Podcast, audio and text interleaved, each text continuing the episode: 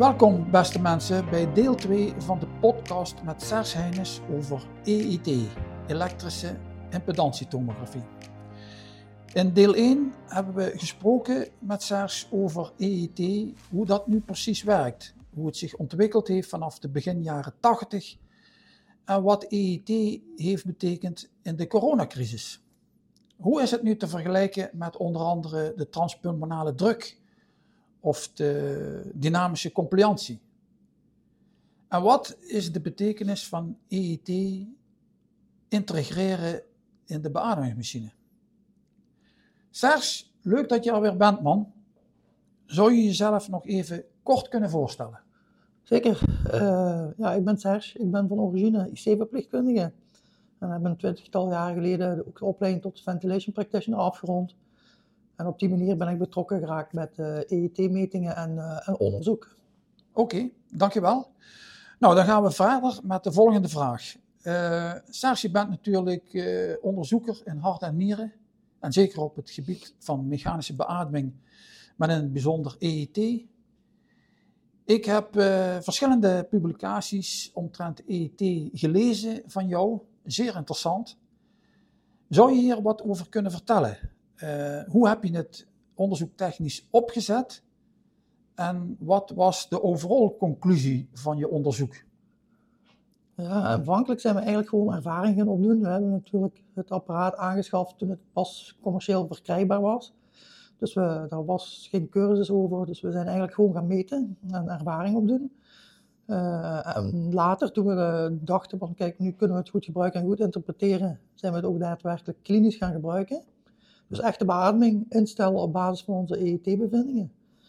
Uh, notabene tijdens het laatste EET-congres werd letterlijk gezegd door een van de sprekers dat uh, Serge is de eerste die de EET echt klinisch toegepast heeft. Uh, ja, met onze metingen zijn we eerst eigenlijk retrospectieve analyses gaan doen. Dus we hadden een aantal patiënten gemeten, ik had de database bijgehouden. En zijn we eigenlijk onze eigen ervaringen hebben gewoon opgeschreven. We hebben toen met name gekeken, wat is het verschil als je gaat kijken naar de optimale piep op basis van de EET-meting en dat vergeleken hebben met de beste dynamische compliance en uh, ook met de piep die geadviseerd wordt met de piep FIO2-tabel van de HDS-netwerk. Ja, en ook hebben we dan gemeten wat zou het betekenen als je gaat kijken naar een piepinstelling op basis van het meest homogene ventilatiedistributie. En uh, welke piep zou je dan moeten hebben daarmee en hoeveel overrekking gaat dat, uh, gaat dat dan geven. En uh, later hebben we ook een prospectieve studie gedaan, uh, samen met een Duitse technische universiteit uit Voertwangen. En daar hebben we een algoritme ontwikkeld dat op basis van overrekking en collapse ook een advies geeft over piep- en teugvolume, wat we dan kunnen instellen. Ja, uiteraard hebben we tijdens COVID heel veel gemeten en heel veel beademing ingesteld op basis van EET. En dat was eigenlijk voordat de pandemie bij ons eigenlijk toesloeg, uh, hadden we eigenlijk al een prospectieve protocol, studieprotocol opgeschreven. Uh, ja, verder hebben we toen eigenlijk in de COVID-periode een algoritme ontwikkeld, omdat de methode over overrekking en collapse, die kun je niet gebruiken bij spontaan ademende patiënten. Dus we hebben nog een algoritme gemaakt waarbij je ook iets kunt zeggen van overrekking collapse bij patiënten met spontane ademhaling, dus pressure support of CPAP ja, welke overal conclusies we kunnen trekken, ja, dat is denk ik gewoon een beetje lastig. Het zijn allemaal verschillende studies en uh, ja, verschillende onderwerpen. Ja. Oké, dan vat ik het weer even samen. Aanvankelijk zijn jullie begonnen met het meten van EET. Na de hand zijn jullie EET ook gaan inzetten om de beademing verder te fine-tunen. en hiermee heb je je natuurlijk geprofileerd, u onderscheiden uh, van andere onderzoekers met betrekking tot het echt klinisch inzetten van EET aan de bedside. Uh, compliment man. Ervaringen hebben jullie uiteindelijk uh, gaandeweg verzameld uh, met betrekking tot EET guided PEEP versus PEEP met behulp van dynamische compliantie of de PEEP FiO2 tabel of de physician set PEEP. En jullie hebben natuurlijk ook gekeken welke piep is nu het beste te gebruiken bij de meest homogene ventilatie en hoeveel overdistantie, CQ-overrek zou dit nu kunnen opleveren. Uit prospectieve studies hebben jullie een algoritme ontwikkeld wat een advies kan geven over piep ten aanzien van overdistantie en collapse, als ook het inzetten van het juiste tidal volume. Zeg ik dat zo goed? Ja, klopt. Ja. Oké. Goed, dan gaan we verder naar de volgende vraag. SARS is EIT nu inmiddels volgens jou een standaard behandelen aan bed van een beademde patiënt met betrekking tot longprotectieve beademing. Als we even kijken naar de droommens van Amato, zoals dat reeds gesteld is, uh, zou dit natuurlijk van voordeel kunnen zijn in het kader van longprotectieve beademing. EIT, een standaard monitortechniek, uh, laten betekenen bij elke beademde patiënt om de aanpassingen bij voortduring veilig en zo protectief mogelijk te kunnen uitvoeren. Wat kun je daar aanvullend over zeggen? Ja, ik zou eigenlijk niet zeggen dat de EIT op dit ogenblik een standaard monitoring tool is.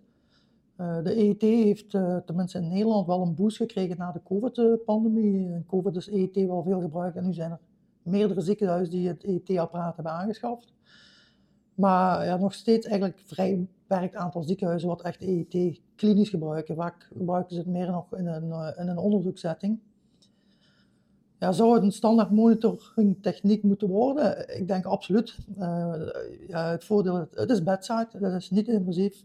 Maar ik denk dat er nog wel wat dingetjes moeten gebeuren. Het, het, meten moet wat makkelijker worden. Ik bedoel daarmee, het apparaat eigenlijk ook een advies moeten geven over de therapie, over diagnoses. Er zou wat algoritmes geïntegreerd moeten worden, of meer algoritmes die bijvoorbeeld ook iets zeggen over het, het van een patiënt. Uh, de effecten van therapie uh, zou zichtbaar moeten worden. Dat bijvoorbeeld, ik, ik, noem maar een voorbeeld, het effect van uh, medicatieverneveling bij COPD-patiënten. Ja. Daar zijn wij op dit ogenblik wel ook wel iets van onderzoek mee aan doen, een pilotstudie. Mm. Ja, en ook buiten de IC zou EET wel van betekenis kunnen zijn. ik denk daar bijvoorbeeld aan bij longfunctieonderzoeken. Ja, oké. Goed, als ik het dan weer samenvat.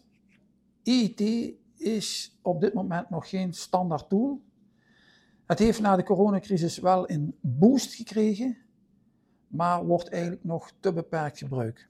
Er zullen nog heel wat aanpassingen moeten worden ontwikkeld om te komen tot een juiste definitie met betrekking tot de effectieve parameters betreffende het standaardgebruik van EET aan bed, zoals je dit reeds hebt aangegeven. Zeg ik dat zo goed? Ja, ja klopt. Nou, de volgende vraag is dan, zou het standaardgebruik, daar gaan we dan even vanuit, van EET bij beademde patiënten met kritisch zieke longen de beademingsduur kunnen verkorten, ofwel de mortaliteit kunnen reduceren? Wat kun je daar dan over zeggen? Ja, ik denk dat dat, ja, dat, dat besluit nog niet kunnen nemen op dit ogenblik. Dat zal nog verder aangetoond moeten worden. Logisch zou ik zeggen van, ja, dat dat uh, kan de mortaliteit doen dalen of de beademingsduur doen korten, maar dan moet nog verder onderzoek gedaan worden. Want op dit ogenblik zijn er maar twee randomized controlled trials die een voordeel aantonen. En eentje is een Taiwanese studie van Hutsu, ja, ik weet niet of ik het juist uitspreek. Mm -hmm. Die heeft eigenlijk de optimale piep op basis van de PV-loop, de pressure volume loop, uh, vergeleken met de beste piep op ET. En die heeft dan gekeken naar de beste balans tussen overrekking en kollaps. Dat hebben ze gedaan bij ARDS-patiënten ongeveer 45 patiënten in elke groep. En die hebben wel een significante mortaliteitsdaling laten zien met de, in de EET-groep. Een andere studie uit Peking, uh, die heeft ook de EET-piep vergeleken, ook weer de beste balans tussen overrekking en kollaps. Die hebben dat vergeleken met de piep FU2-tabel van de ARDS-netwerkgroep. En daarbij zagen ze dat in de EET-groep wel een mortaliteitsdaling was van 6%, maar dat was niet significant. Wat ze wel zagen is, uh, ja, zal 60% ongeveer in elke groep. En echt een significante mortaliteitsdaling laten zien. Dan was het misschien wat underpowered, hadden ze meer patiënten nodig gehad. Mm -hmm. Maar ze zagen wel eigenlijk een verbetering in orgaanfunctie over de dagen in de EET-groep. Dus okay. eigenlijk een lagere SOFA-score. Ja. Oké, goed samengevat. Theoretisch zou dat moeten kunnen. Hè? Dus uh, zoals je nu heel duidelijk aangeeft, uh, het is eigenlijk nog niet echt aangetoond. Wel hebben twee grote randomized control trials enig voordeel laten zien in de mortaliteit en ook enige verbetering van de SOFA-score. Dus overal zijn er meer grotere studies voor nodig om uiteindelijk hier een een definitieve uitspraak over te kunnen doen. Goed, dan komen we bij de volgende vraag. EET e vereist natuurlijk kennis van zaken met betrekking tot het aanbrengen van de thoraxband op de juiste wijze, het beoordelen van de thoraxbeelden, CQ, de visualisatie. Uh, zoals ik in de literatuur heb gelezen, zijn andere auteurs zeer positief betreffende jouw uitspraak. En die is als volgt: EET is on its way to the gold standard in the clinical practice. Denk je dat dit de toekomst gaat worden?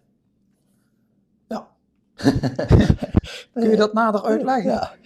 Ja, ik denk het wel, maar ja, zoals eigenlijk net al gezegd, er, er zullen eerst andere outcome studies moeten, moeten komen die echt aantonen dat de IUT ingestelde uh, piep- en teugvolumes de mortaliteit uh, doen dalen. En dat is eigenlijk een lastige, hè? want uh, je moet een studie doen met grote groep patiënten. Mm -hmm. Als je denkt een ARDS-studie, ja, elke IC heeft ARDS-patiënten, dan kun je dus snel een grote studie, of snel, het is nog moeilijk natuurlijk, maar kun je een grote studie doen. Maar wil je echt een EET-studie doen, er zijn slechts een aantal beperkt aantal ziekenhuizen die in het bezit zijn en de kennis hebben om EET te doen.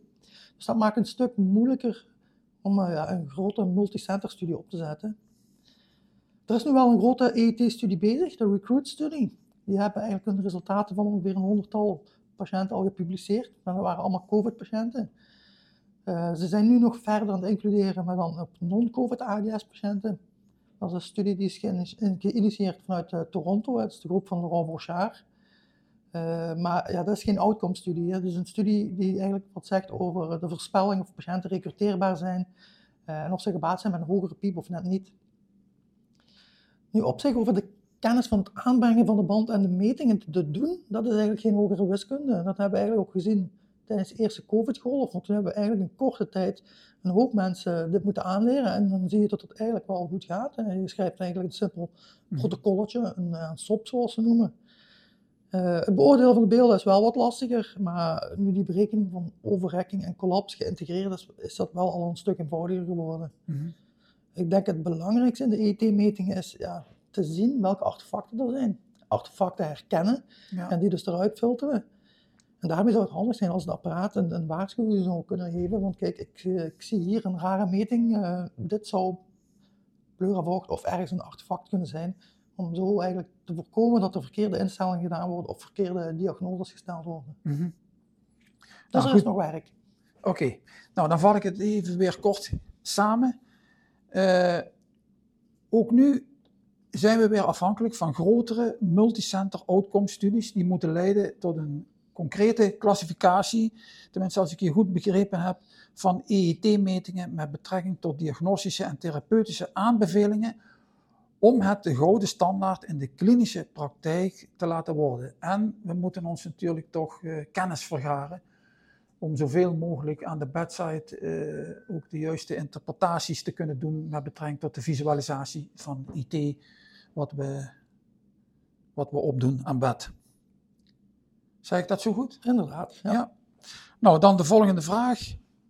Uh, kan EET zelfs ook een bijdrage leveren met betrekking tot de detectie van PCLI, dus Patient Self-Inflicted inflicted, uh, Lung Injury? En wat kan EET nu zeggen over het diafragma, CQ, de diafragma, diafragma-functie? Ja, ik denk dat zeker uh, eh, EET een bijdrage kan geven detectie van PCLI. Uh, met name het fenomeen pendellucht, hè, dat kun je ja. visualiseren met EET, dat is ook al diverse keren beschreven. Uh, het probleem is dat overrekking eigenlijk moeilijk te berekenen is bij spontaan ademende patiënten. En dat is waar, net een groep waar je PCLI vaak uh, tegenkomt. Ja. Um, ja, daarom hebben we eigenlijk ook een algoritme ontwikkeld voor te gebruiken bij spontaan ademende patiënten. Om dan eigenlijk toch overrekking en collaps mogelijk te detecteren bij die groep patiënten. Mm Want je moet denken, het gros van de patiënten op de IC, die staan op een pressure of een CPAP mode. Mm ja, op het gebied van beoordelen van je diafragmafunctie, daar denk ik dat er zeker mogelijkheden liggen om ET verder in te ontwikkelen. Uh, maar op dit ogenblik denk ik dat long-ultrasound, dus long-echo, uh, wat ook non-invasief en ook bedside is, dat dit ook een beter uitgewerkte tool is uh, voor echt met diafragma-beoordelingen te gaan. Mm. Met een long-echo kun je bijvoorbeeld gaan kijken naar excursies van je diafragma. En er zijn dan waardes bij van als die excursies meer dan 1,2 centimeter, water, 1,2 centimeter zijn, dan ja, zegt dat wat over voorspellende waarden van mogelijk succesvol extueren.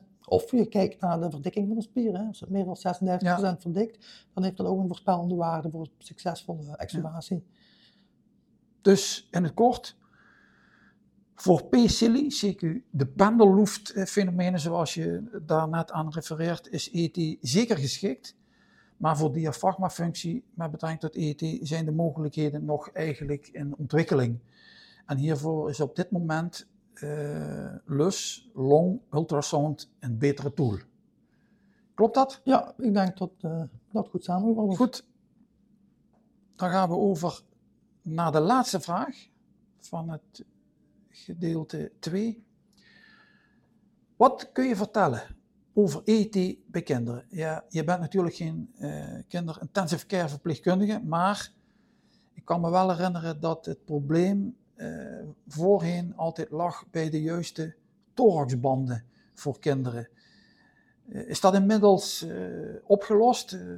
wat weet je daarvan? Wat kun je ons daarover berichten?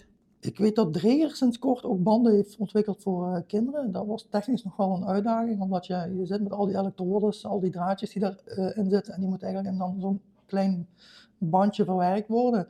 Maar ondertussen heeft Dreger wel banden ontwikkeld die gaan vanaf een thoraxomvang van 36 centimeter. Daarbij hebben we trouwens ook zelf metingen gedaan met de kindergeneeskunde, maar dan uh, bij Lammeren, om te kijken of het allemaal mogelijk was om te meten. En dat blijkt dus wel ook echt mogelijk. Uh, maar ik weet inderdaad dat er meer artefacten zijn bij kinderen. En dat is met name ook met bewegen en meeademen. Uh, je moet andere filters instellen, voor met hartfrequenties. Maar goed, eerlijk gezegd, ik heb geen ervaring met eten in kinderen, dus uh, ik moet daar voorzichtig mee zijn wat ik daar uh, kan zeggen. Ja, oké, dat begrijp ik. Maar toch uh, dank voor je aanvulling. Dus als ik het even kort samenvat, kinderen zijn natuurlijk een hele moeilijke patiëntenpopulatie met betrekking tot EET. Maar Dreger is inmiddels bezig met kinderbanden om die in praktijk te brengen. En dat is ook geluk, zoals ik begrepen heb nu. Als ik dit verder mag aanvullen, dan uh, geldt de studie van Davis in 2019 uh, dat er kinderbanden zijn gebruikt bij kinderen van ongeveer 15 weken oud en uh, ook bij iets oudere kinderen in diverse klinische scenario's. En dat is verder heel goed verlopen. Maar ze refereren wel aan veel artefacten vanwege angst bij kinderen, maar ook bewegingsonrust, als ook huidirritaties. Ja, oké. Nou Serge, dan heb ik nog een allerlaatste vraag aan jou. Wat zou jij de luisteraars nog willen meegeven betreffende EET? Ja, dat is een goede vraag. Uh, dat was eigenlijk een moeilijke vraag om te antwoorden. Ja, ik denk vooral, ja, sta open voor nieuwe technologieën. Want, uh, uh, en hou rekening met dat dingen soms heel lang duren. Je hebt al aan het begin in de eerste sessie al aangehaald, eigenlijk in 1980 is de ontwikkeling van EET al begonnen. Uh, en nog zijn we nu pas eigenlijk het klinisch gebruik aan het uitbreiden. Um, maar ja, kijk ook naar de echo's hè, die gemaakt werden. In de, ja, iedereen is nu gewoon dat er echo's gemaakt worden. Maar die waren in de beginjaren ook heel robuust. Of ja, misschien beter uitgedrukt, onzuiver, onzuivere beelden. Ja, als je kijkt wat daar nu allemaal mee kan en hoe goed die beelden zijn. Hetzelfde geldt voor CT-scans. Ja, je maakt daar nu ongelooflijke 3D-beelden mee. En vroeger was dat toch allemaal mm -hmm. wat anders. Uh, dus dat, dat heeft gewoon tijd nodig. En ik denk, ik hoop dat deze ontwikkeling zich dus ook voortzet in de EET. Uh, men is ook al bezig met 3D-EET, dus dat zou een hele mooie zijn. Met perfusie, bloedflow is men ook bezig. Dat is trouwens in de Timpel al deels geïntegreerd. Maar wat ik begrijp uit de ingenieurs en ontwikkelaars, is daar toch nog wel uh, redelijk ja. wat werk aan. Oké. Okay. Men is nu ook bezig met uh, multi-frequency EET. En dat is dan een, ja, een, andere techniek eigenlijk, waarbij ze verschillende frequenties gebruiken. En daar zou je deels ook structuren in beeld kunnen brengen. Dus daar zou je ook dus eventueel hart en weefsels uh, kunnen zien. En dat zou natuurlijk weer een hele andere stap voorwaarts zijn. Ja, zeker. En uh, ja, Ik ben blij dat ik deel mag uitmaken van de groep gebruikers. En eigenlijk een beetje bij de geboorte van het klinisch gebruik van de EET in toepassing op de IC. Ja, en in de community sta ik blijkbaar al bekend als uh, de eerste echt klinisch gebruiker van de EET. Ja, dat mag je wel zo zien, want zo heb ik dat wel gelezen in verschillende artikels. Dus dat is wel met enige trots. Ja, zeker. Chapeau man. Uh, Serge, uh, heel erg bedankt voor dit boeiende gesprek, waarbij je ons deelgenoot hebt gemaakt van je enorme kennis omtrent EET en ook wat je tot nu toe hebt bereikt met EET in de praktijk. Dankjewel. Beste mensen, dit was Kritiek de podcast over EET bij mechanische beademing. Voor verdere verdieping van dit onderwerp kunnen jullie terecht op onze show notes. Heel erg bedankt voor het luisteren en verder wil ik nog vermelden dat er een beademingssymposium wordt gegeven op 12 oktober in Sittard, waar jullie van harte welkom zijn. En ook dit onderwerp wordt verder besproken door Serge Heines.